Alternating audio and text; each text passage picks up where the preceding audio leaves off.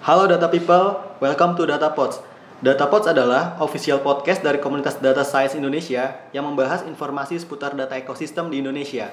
Mulai dari sharing session seputar data, interview dengan data person, dan update terkini info data ekosistem di Indonesia. Kali ini kalian sudah bersama gue Indra Nugraha yang akan menjadi host untuk podcast kali ini.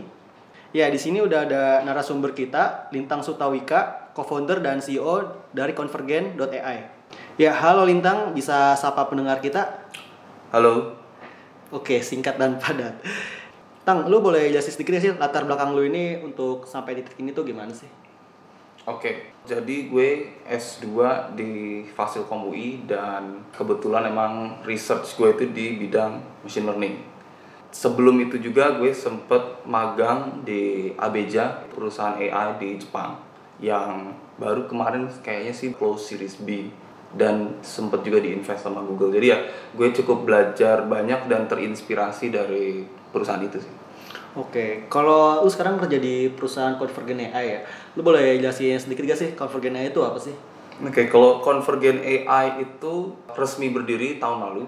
Fokus kita adalah di ekstraksi dan konversi data-data yang semula tidak bisa atau sulit untuk dibaca oleh mesin. Eh, contohnya adalah image, teks, hasil scanan, hasil foto yang nggak bisa langsung informasi ada di eh, sumber itu dikonversi ke dalam misalkan bentuk JSON atau dalam query SQL dan sebagainya macamnya kita menggunakan computer vision juga ada natural language processingnya untuk bisa memudahkan konversi sumber data itu menjadi data yang bisa di input ke database. Oke, kalau role kerjaan tuh setiap hari ngapain aja sih? Kalau gue eh, sehari-hari bertugas untuk keep track bahwa produk kita sesuai dengan kesepakatan bersama, juga berkenalan ataupun follow up dengan customer. Eh, kalau sekarang nih kira-kira Convergen AI itu ada lagi aktif di mana? Kita saat ini lagi kerjasama dengan beberapa bank buat ngembangin sistem untuk processing invoice. Semula invoice itu harus diproses oleh orang karena banyaknya data itu di scan dan eh, ada juga yang kualitasnya agak kotor tapi tetap bisa dibaca oleh orang. Mereka ingin bisa membuat proses kerja itu lebih cepat sehingga kita masuk untuk membantu memberikan solusi berupa processing invoice dengan computer vision untuk mengekstraksi data-data yang relevan seperti invoice number, due date, total dan sebagainya. Ya, sekarang kita masuk ke session Q&A. Lintang, lu boleh jelasin gak sih sebelumnya? Kita kan hari ini tuh mau bahas putar Kaggle ya. Mungkin ada yang belum tahu Kaggle tuh apa sih dan fitur dalam Kaggle tuh apa aja? Kaggle itu gampangnya adalah website kompetisi data science. Fiturnya paling utama adalah hosting lomba data science. Bisnis model mereka mungkin bisa dijelaskan dengan perusahaan yang punya dataset dan punya suatu problem akan datang ke mereka sehingga nanti Kaggle akan mempublish dataset tersebut kepada partisipan. Peserta diminta untuk membuat suatu model model dengan skor tertinggi dinyatakan sebagai pemenang dan diberikan hadiah yang disiapkan oleh yang punya masalah tadi. Oke, kalau boleh tahu company apa aja sih yang udah pernah dia publish dataset dan problemnya di Kaggle? Yang mungkin paling mudah disebut adalah dataset Google karena Kaggle itu baru tahun lalu di acquire oleh Google. Tapi selain itu ada bank, ada juga fintech kayak Home Credit. Home Credit itu datanya menjadi salah satu perlombaan Kaggle terbesar sepanjang sejarah Kaggle. Jadi partisipannya sampai 7.000 orang. Jadi kebayang ya susahnya untuk bisa menang. Cuma untungnya gini, kalau di Kaggle modelnya memang ada juara 1 2 3, tapi ada juga uh, proses ranking medali. Sistem medali ini diberikan biasanya adalah top 10% dari setiap dari semua partisipan dan itu dibagi lagi menjadi beberapa tier. Tier bronze, perunggu, tier silver, perak, tier emas. Uh, biasanya untuk top 1%. Silver mungkin top 5, uh, perunggu adalah sisanya sampai top 10%. Oke, sebelumnya lo tahu Kaggle dari mana sih? Gue tahu Kaggle dari googling sih. Itu kebetulan ketemu. Karena gue kebetulan lagi nyari data set buat main-main. selain ketemunya dataset umum yang yang kita dapat dari apa tuh kayak data iris dan sebagainya macamnya uh, ketemu juga kalau ternyata mereka uh, data iris itu di hosting di Kaggle dari situ akhirnya jadi tahu oh Kaggle tuh ternyata website lomba gitu ada motivasi khusus gak sih buat lo ikut selanjutnya gitu? Motivasi terbesar adalah kita pengen belajar sih. Karena dataset yang kita terima itu sebenarnya adalah suatu permasalahan yang real.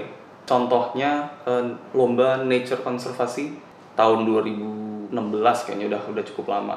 Banyak kejadian di mana eh, nelayan itu salah tangkap ikan dan mengenforce atau me, atau me, sebenarnya men, mencari data seberapa sering sih ini kejadian itu hal yang sulit untuk di track karena begitu banyak kapal, begitu banyak kejadian yang nggak bisa di tracking oleh orang langsung kecuali orangnya ikut bernelayan gitu. Tapi untungnya di setiap kapal itu ada kamera dan kamera itu selalu ngambil data. Jadi itu yang dijadiin dataset buat dijadiin lomba. Bisa nggak sih mengklasifikasi ikan-ikan yang ditangkap? Flow proses sendiri kalau kita mau ikut Kegel competition tuh gimana sih? Prosesnya straightforward. Yang jelas pertama harus punya akun registrasi. Pilih lomba yang kira-kira menarik. Setiap lomba selalu ada terms and agreement yang harus diklik. Tapi setelah e, menyetujui, kita langsung bisa dapat akses ke dataset dan deskripsi perlombaannya. Selain itu juga kita bisa tahu metrik penilaiannya apa. Apakah misalnya EOU, intersection of union, atau juga akurasi, F1 score, dan sebagainya macamnya kita bisa tahu. Sehingga kita pada saat membangun model bisa menilai kurang lebih performance dari model kita tuh seperti apa. Jadi kita dataset dapat, kita tahu metriknya apa, kita bangun model training. Nanti habis itu mereka biasanya minta dalam bentuk CSV. Ada juga beberapa lomba yang mintanya source code dalam bentuk kernel istilahnya. Atau gampangnya sih bayangin codingan dalam bentuk Jupyter Notebook. Yang itu yang disubmit. Tapi esensinya outputnya semua adalah prediksi dalam bentuk tabel. Nanti dari output CSV itu dia akan ngeproses dan scoringnya akan dia taruh di leaderboard. Baru setelah akhir lomba leaderboard dengan dataset full itu bakal dipublish. Jadi leaderboardnya itu ada istilahnya private sama public leaderboard. Public leaderboard itu biasanya cuma 30% dari test set yang dirilis pada saat nanti hasil uh, di akhir lomba si test set itu bakal dirilis sisanya 70% itu sehingga uh, skor kita bisa berubah bisa naik bisa turun Oh ya, lu bisa sebutin sih lomba kegel apa aja yang pernah lo ikutin sama jelasin sedikit seputar kompetisi tersebut? Uh, lomba kegel yang pernah gue ikutin itu tipenya ada yang tabular data, ada juga yang image data, ada juga yang textual data. Uh, contohnya adalah kayak Google AI Open Image, dia itu datasetnya udah next step dibanding Coco, dibanding uh, ImageNet, dan kita harus bisa mencoba untuk menarik semantic meaning dari si image. Misalkan uh, ada orang tapi itu, orang itu berupa anak-anak atau apa bounding boxnya apa nggak cuma orang. Anak kecil dan sebagainya macamnya. Ada juga yang tabular tadi seperti uh, Avito demand prediction di mana lombanya itu adalah kita memprediksi dari entry berupa produk e-commerce seberapa mungkin produk ini bisa kejual Ya, dari beberapa kompetisi tadi, menurut yang paling menarik yang mana sih? Sama alasan lo pilih itu paling menarik? Kalau menurut gue yang paling menarik itu adalah yang TGS uh, Salt Identification Challenge. Satu karena lombanya itu di bidang computer vision, uh, khususnya adalah di segmentasi image.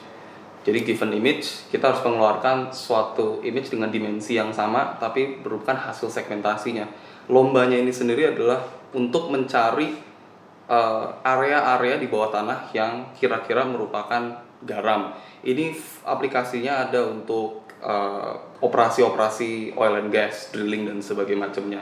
Tapi menariknya sebenarnya adalah karena datasetnya itu sebenarnya adalah hasil rendering dari data ultrasonic. Jadi kita kita sebagai orang ngelihatnya pun nggak make sense. Ke kayak cuma grayscale terus ada banyak gelombang-gelombang. Tapi itu semua ada artinya gitu. Dan menariknya adalah ahli yang sudah belajar geofisika bertahun-tahun pun tetap merasa kesulitan dalam menginterpretasi gambar itu.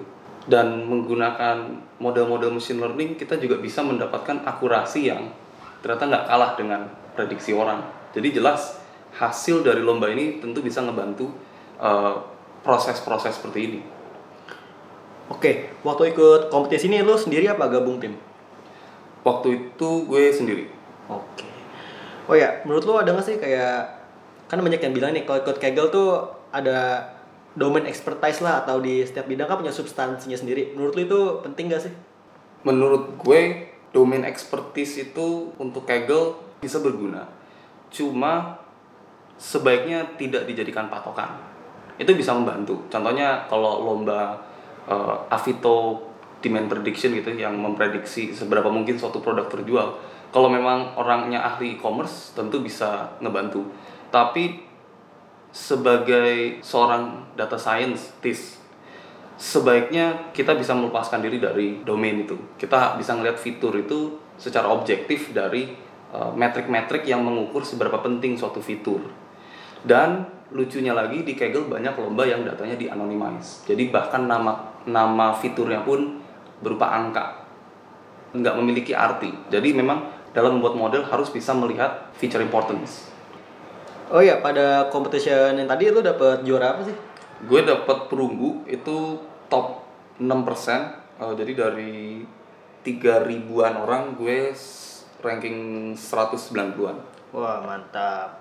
Dari kompetisi tadi, lu bisa jelasin sedikit gak sih solution yang lu pakai gimana sampai bisa dapat di state itu? Solution yang gue pakai itu sebenarnya berdasarkan model convolutional neural network yang di yang judulnya adalah UNET. UNET itu intinya adalah mengeluarkan segmentasi. Awalnya dia ada di paper yang fungsinya adalah mengsegmentasi uh, sel biologi. Jadi itu awalnya emang dari uh, suatu riset ya. Terus triknya di trik yang gue pakai adalah mengganti backbone-nya unit yang tadinya mereka pakai VGG, gue pakai uh, varian ResNet 34. Tapi dari varian itu juga ada beberapa trik lain kayak penggunaan hypercolumn atau tentu ada fine tuning dari sisi uh, learning rate-nya dan hyperparameter lain. Tapi trik umumnya adalah menggunakan uh, unit itu tadi. Lu bisa jelasin sedikit gak sih kayak teknik pre-processing sama fitur engineering apa yang dipakai kalau dari pre-processing uh, yang pasti adalah ngubah dimensinya. Gue pakai uh, 256 tapi uh, salah satu hal yang penting di apa di pre-processingnya adalah uh, menyiapkan augmentasi yang benar. Jadi augmentasi itu yang gue pakai adalah e, menaikkan menurunkan kontras dari image dan juga menambahkan noise juga merotasi dan merefleksi data tersebut refleksi artinya gue mirror jadinya dari dataset yang gue punya sekian banyak dengan augmentasi gue jadi punya tiga kali lebih banyak sehingga model gue harapannya adalah lebih tahan terhadap overfit kalau augmentasi kan banyak fitur yang bisa dipakai kayak blurring, lo tambahin noise. Itu lo coba-cobanya manual gitu apa ada teknik khususnya sih buat dapet yang fitur yang paling bagusnya di augment tuh? Oh, coba ya, augmentasi uh, melihat efek dari augmentasi hmm, itu. Iya. uh, empiris sih. Jadi muncul dari hipotesis, oh kayaknya kalau gue mirror, kalau gue rotate sedikit itu uh, efeknya lebih bagus. Gue coba, ternyata pas uh, modelnya udah selesai training, inference, upload ke Kaggle leaderboard di skor gue naik jadi oh berarti uh, ini lebih bagus itu waktu proses trainingnya sendiri berapa lama sih gue pakai GTX 1060 dan untuk ukuran yang gue pakai antara 256 atau 512 itu gue variasiin. Yang gue lakukan biasanya memakan waktu 10-12 jam. Tapi berhubung lombanya ini waktunya sendiri dua bulan ya jadi nggak terburu-buru biasanya sekali sehari gue cek. Estimasi di kompetisi ini lu training berapa kali kira-kira hasil yang gue submit itu ada 47 kali. Kayaknya sih gue ngetrain lebih dari 200 kali sih. Iya jadi satu satu kali sebelum gue nge-submit tuh gue lima kali training dulu terus baru gue submit kali. Belum lagi dihitung yang gue training terus di tengahnya gagal atau kudanya out of memory. Oh berarti kalau yang baru training lima kali udah nyerah poin lu tuh nggak naik-naik berarti harus usaha lagi nih ya? Iya, untungnya sih ada discussion ya dan kadang-kadang juga ada yang suka nge-share uh, kernelnya. Itu bisa dijadiin inspirasi. Kernel itu mungkin lebih ke kadang-kadang yang mereka share adalah EDA uh, explorative, data analysis. Jadi kita bisa melihat insight apa sih yang mereka dapat dari image-image yang yang yang jadi contoh training. Discussion juga biasanya ada yang suka nge-share oh kalau misalnya gue pakai augmentasi seperti ini hasilnya lebih bagus. Kalau augmentasi ini jangan pakai karena gue udah nyoba hasilnya jelek Di kompetisi ini metrik yang lu pakai apa sih? metrik yang gue pakai itu adalah EOU EOU tuh ngelihat seberapa dekat hasil segmentasinya kita dengan segmentasi ground truth Tadi kan lu nyinggung beberapa teknik yang dipakai ya. Lu bisa sebutin lebih detail gak sih? Salah satu trik favorit gue itu adalah hypercolumn. Jadi hypercolumn tuh istilahnya kayak ngambil layer-layer convolution di awal network dari awal sampai ke akhir semua diambil dan di concat, digabung jadi satu layer. Baru itu dari digabung jadi satu layer baru ada convolution terakhir sebelum ke prediksi akhir, ke prediksi uh, semantic uh, segmentationnya. Uh, kenapa ini menjadi favorit? Karena ini pendekatan yang sederhana tapi efek dari pembelajarannya adalah memungkinkan back pada saat back propagation sinyal-sinyal dari awal atau error-error di awal it- di back propagate dengan lebih mudah ke seluruh bagian di networknya sehingga lossnya lebih mudah terdistribusi dan lebih kuat lebih tahan terhadap overfitting Ada insight yang bisa diambil gak sih dari data sama model yang lu bikin itu? yang jelas adalah kita harus sadar bahwa data set itu tidak selalu sempurna. Jadi beberapa example yang ada di training, tagging segmentationnya itu bisa dibilang nggak sesuai dengan uh, pattern yang umum.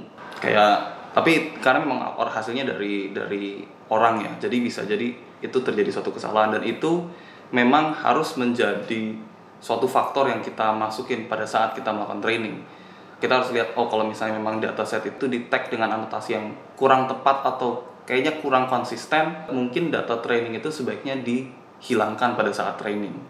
Sehingga modelnya tetap bisa mempelajari yang konsisten. Di Kaggle kan banyak istilah blending atau ensemble method. Di kompetisi ini lu makin gak sih? untuk kompetisi ini ya gue make eh, contohnya adalah kalau di TGS ini gue ngetrain dua model. Yang satu ukurannya 224 kali 224 yang satu lagi ukurannya 256 kali 256 jadi hasil keluaran dari dua model itu akhirnya gue rata-rata. Dan hasilnya ada peningkatan sedikit dari scoring di leaderboard. Dan umumnya emang ensemble itu hanya dilakukan setelah kita punya model yang udah cukup kuat. Dan cara lain untuk bisa melakukan ensembling adalah kita ngelihat eh, skornya sama-sama tinggi, tapi kalau kita deketin pakai eh, Pearson correlation, dia itu jauh. Artinya behavior dari predictionnya itu tidak memiliki kemiripan. Nah, itu cenderung memiliki kemungkinan untuk meningkatkan skor. Karena dia mengaverage out yang prediksi-prediksi yang kemungkinan salah dan mereinforce kemungkinan prediksi-prediksi yang betul. Oke, di kompetisi ini tools dan library apa sih yang dipakai? Kalau tools, gue suka pakai kernel fitur kernelnya Kaggle, Eh, karena kernelnya itu udah bisa nyambung dengan GPU. Jadi selain gue pakai GPU gue yang 1060 eh, GTX 1060 tadi, gue bisa juga running paralel di kernelnya Kaggle dan itu gratis ya. Selain itu sisi library NumPy, Pandas umum ya, OpenCV itu untuk loading, loading, saving dan sebagainya macamnya. Untuk deep learning toolsnya sendiri gue pakai framework PyTorch dan kenapa gue pilih itu karena dia troubleshootingnya lebih mudah dibanding TensorFlow. Karena kalau PyTorch dia memperkenalkan konsep dynamic uh, graphing di mana model itu dibangun on the fly. Dan tensornya juga sebenarnya nyambung dengan NumPy. Jadi lebih mudah kita untuk uh, tuning atau tweaking di dalam modelnya sendiri. Gue ngebuka misalnya ResNet gue cuma pengen ngambil uh, layer awal sampai la- layer kesekian. Sisanya gue buang. Itu di PyTorch gue merasa lebih mudah Oh ya, tadi kan nyinggung sedikit ada pakai dua mesin untuk training ya. Satu pakai Kaggle kernel, satunya lagi pakai server. Nah, lu boleh jelasin gak sih spesifika hardware yang dipakai apa aja? spesifikasinya gue pakai Intel Core i5 kalau Untuk server lokal nih. server lokal Yes. ya server lokal itu sama GPU-nya GTX 1060 RAM-nya kalau nggak salah sekitar 32 GB Eh, kalau emang untuk processing data image emang biasanya butuh RAM yang cukup besar ya tapi tetap batch size untuk training tetap dipengaruhi oleh eh, kapasitas dari GPU-nya sendiri. GTX 1060 itu 6 GB mungkin. Jadi gue cuma bisa ngefit in buat use case gue ya. Itu mungkin 16 image apa 64. Eh enggak enggak mungkin 64. 16 kalau enggak 32. Oh ya kalau kernel yang di Kaggle itu lu bebas bikin beberapa instance buat training apa? Terbatas satu gitu sih? gue bisa bikin sebanyak berapapun. Tapi memang kelemahannya adalah kalau dia idle atau kalau dia runningnya terlalu lama akan dimatiin sama dia. Tapi kalau dari sisi spek kalau nggak salah udah Kepler. K70 mungkin. Jadi speknya emang cukup bagus sih. Model yang dipakai untuk lomba itu bisa dipakai nggak sih buat production level juga? Kalau misalnya untuk lomba yang tadi dibahas TGS, masalah production itu kembali ke skalabilitasnya ya. Tapi skalabilitas juga salah satu faktor adalah throughputnya seberapa cepat yang diinginkan. Kalau gue melihat karena ini merupakan tool untuk scientific analysis ya, throughputnya nggak harusnya nggak begitu besar. Sehingga kalaupun emang mau dipakai ke production bisa, cuma in the sense of production seperti yang kita lihat di berbagai macam tech company, gue rasa sih enggak. Karena memang use case-nya beda.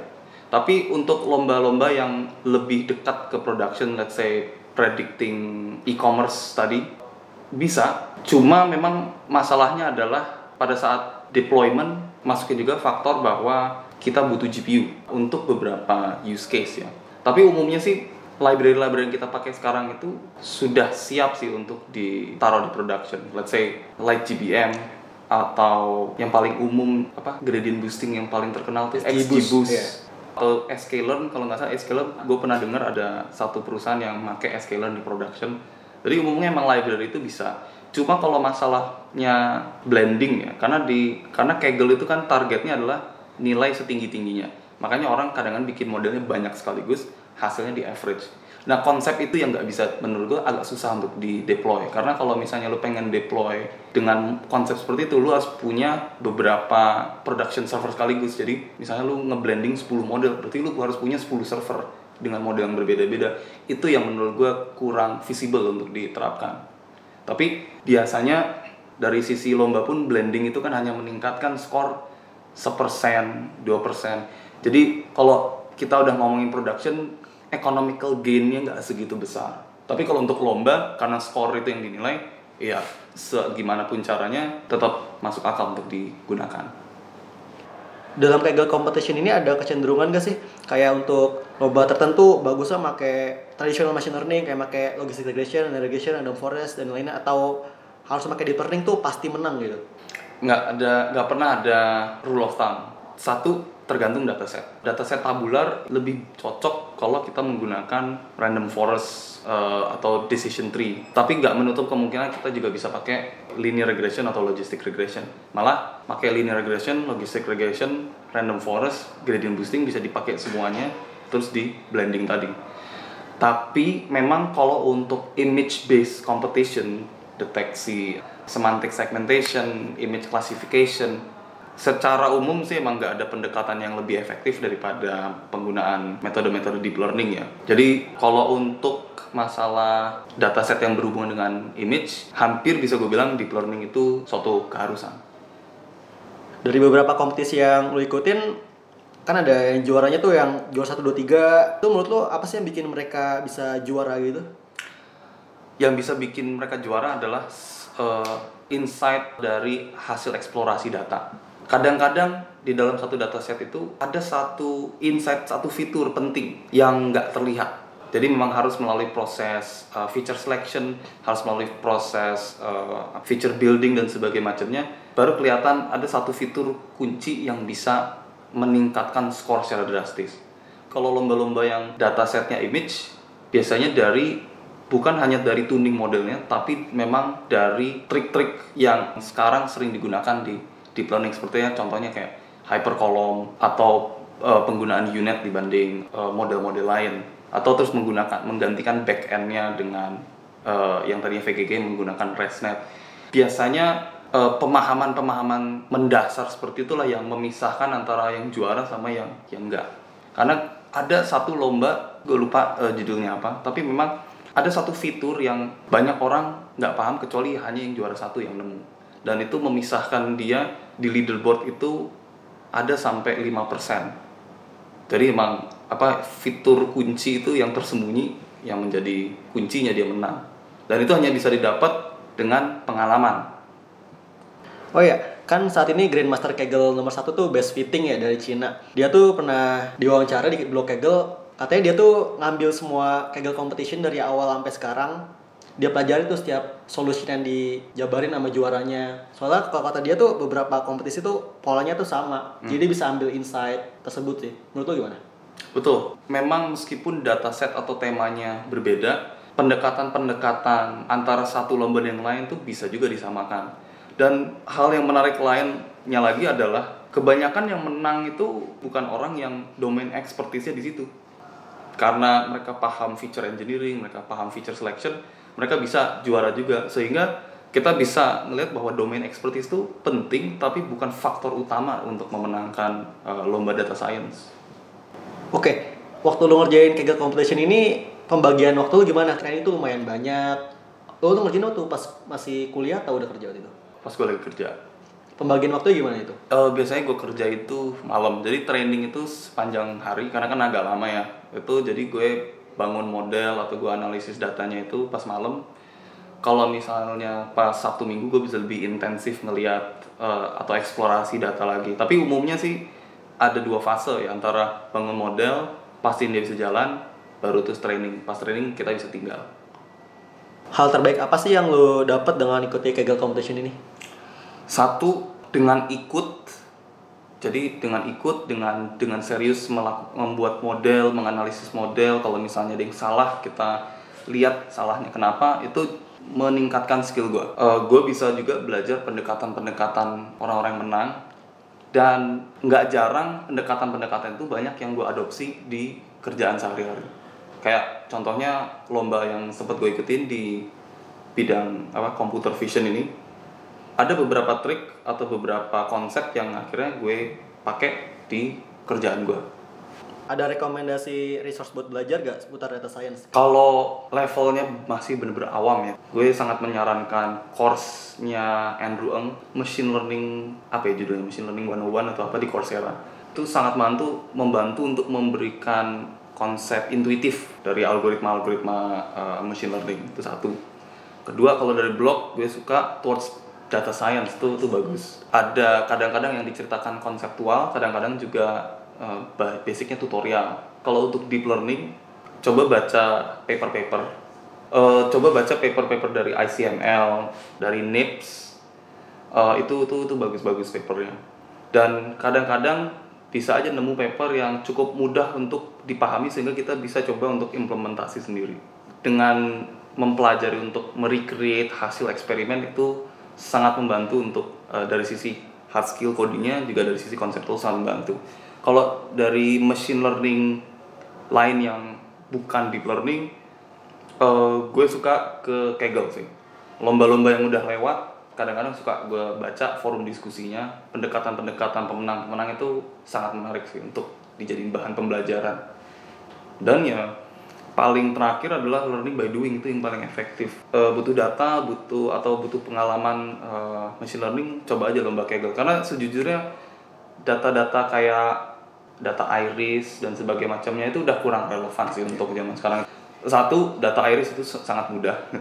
Apa? Pendekatan support vector machine kayak nearest neighbor atau neural network sekalipun itu udah langsung akurasinya di atas 90% gitu. Itu terlalu gampang. Kalau pengen yang bener-bener challenging, yang pengen bener-bener bisa belajar dari itu, gue sangat menyarankan untuk ikut atau setidaknya coba lom, dataset-dataset dari lomba Kegel yang sudah lewat.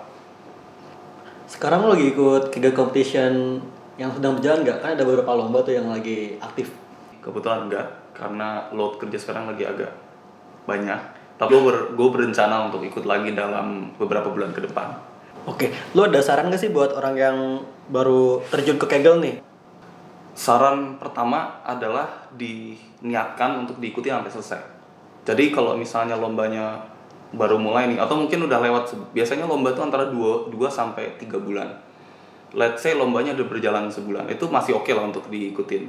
Dan kalau emang mau ikut coba ikuti sampai selesai. Maksudnya sampai selesai adalah coba bikin model eh, analisis dan sebagainya macam sampai hari terakhir. Apa pun hasilnya tetap coba selesaikan sampai sampai waktunya habis.